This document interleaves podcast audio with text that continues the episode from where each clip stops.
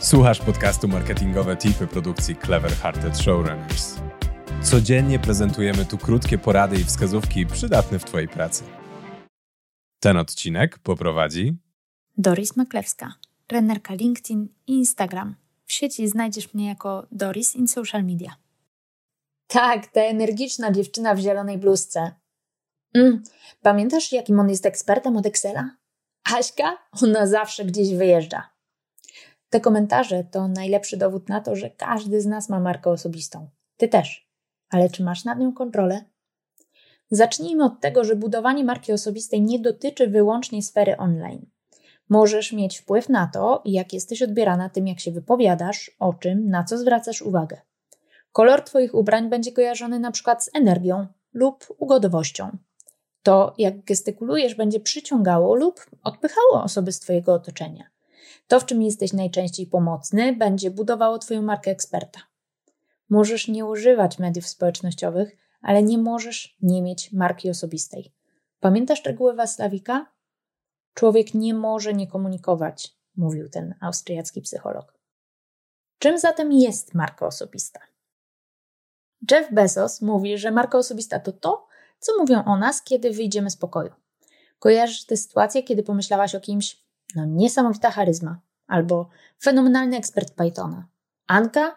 Ona to umie w sprzedaż. Zwracaj uwagę na to, co w tym pokoju zostawiasz, bo może bardziej przemawia do ciebie definicja Ervinga Goffmana. Marka osobista to zarządzanie wrażeniem. Pamiętaj, że masz wpływ na to, jak będą cię postrzegać inni, zaczynając od kolorów, które nosisz, charakterystycznych cech, sposobu mówienia czy na przykład mimiki. Pewnie znasz przypadek ambiwertyków, których ekstrawertyczna natura wychodzi na wierzch w trakcie spotkań biznesowych, by wieczorem odpoczywać z książką pod kocem. Takie osoby po prostu wykorzystują swoje cechy w danych okolicznościach.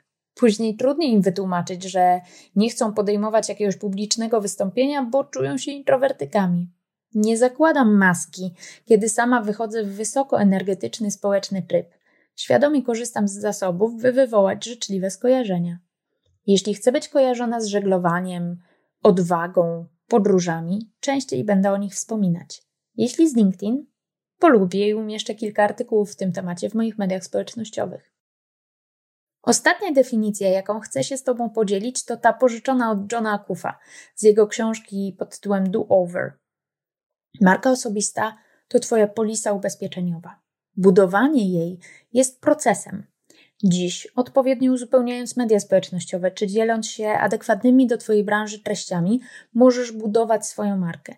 Dziś być może zyskasz większą rozpoznawalność, tytuł ekspertki w temacie, etykietę specjalisty. W przyszłości może to być Twoja karta przetargowa do awansu, prestiżowego stanowiska, czy po prostu argument dla potencjalnych klientów. Jak zaczynałam świadomie budować swoją markę osobistą? Od sporej dawki autorefleksji. Etap pierwszy to trzy pytania. Kim jesteś? Zastanów się, co najpierw przychodzi ci do głowy. Płeć, stan cywilny, zawód, ukochany sport. Spisz na kartce te wszystkie odpowiedzi i zdecyduj, co z tego powinno pojawić się w głowach innych. Eksponuj właśnie ten element, przedstawiając się, wyróżniając na profilach w social media. W czym jesteś dobry? Zatrzymaj się na 10 minut i zacznij wypisywać te rzeczy w spokoju, bez dystraktorów, z dala od telefonu. W trzeciej minucie możesz nie mieć pomysłów, a w siódmej kryzys, ale pisz, dopisuj, cokolwiek przychodzi ci do głowy. Trzecie pytanie to jak możesz pomóc innym? Lista, tabela, spis po przecinku. Zastanów się, z jakimi wyzwaniami można się do ciebie zgłaszać. Ustalone? Świetnie.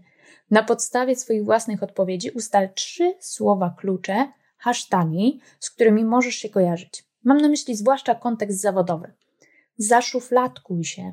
Pomóż innym ustalić, z czym powinni cię kojarzyć, zwłaszcza na początku świadomego budowania marki i eksponuj te elementy w rozmowach, w mediach społecznościowych, na spotkaniach networkingowych.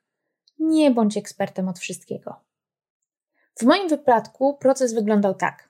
Pracowałam w korporacji, w rekrutacji z wykorzystaniem mediów społecznościowych. Moje słowa klucze to rekrutacja, social media i żeglarstwo.